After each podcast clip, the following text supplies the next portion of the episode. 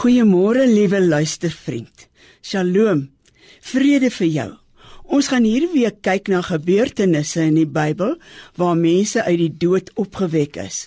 Vir oggend se tema is 'n feesviering van dood en lewe. Besef ons dat die verlore seun ook uit die dood opgewek is. Ons lees dit in Lukas 15. 'n Jong man vol voortvarendheid en onvolwassenheid vaar die wêreld in na 'n ver land op soek na geluk in sy lewe. Ons leef in die boodskap Lukas 15 vers 13. Daar het hy een wilde partytjie na die ander gehou en gedoen wat sy hart begeer. Hongersnood tref die land en nie tot onlangs nog so 'n lewenlustige ryk seun sit in 'n varkhok tussen varke.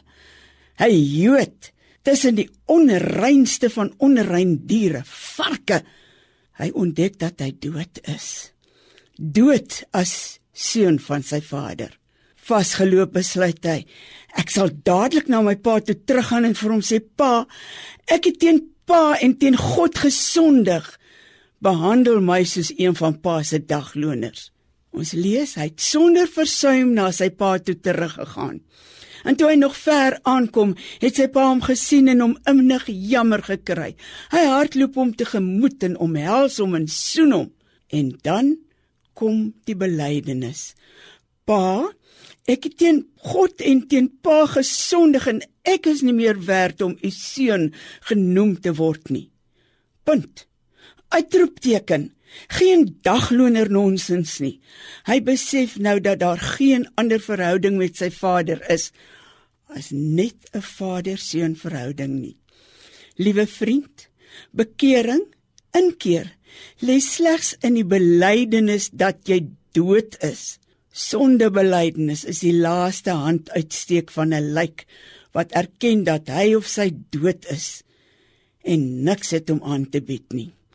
Die Vader neem self die inisiatief van liefde en versoening En soos alle genade momente waarin die dooie opgewek word tot 'n nuwe lewe, as jy deur vergifnis ween weer lewend gemaak word, is dit nie slegs 'n herstel van dinge wat was nie.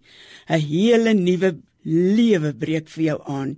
Vader, ons hoor opnuut dat U vir ons sê, hierdie kind van my was dood en hy lewe weer. Hy was verlore en ek het hom teruggekry. In u naam dank ek u hiervoor. Amen.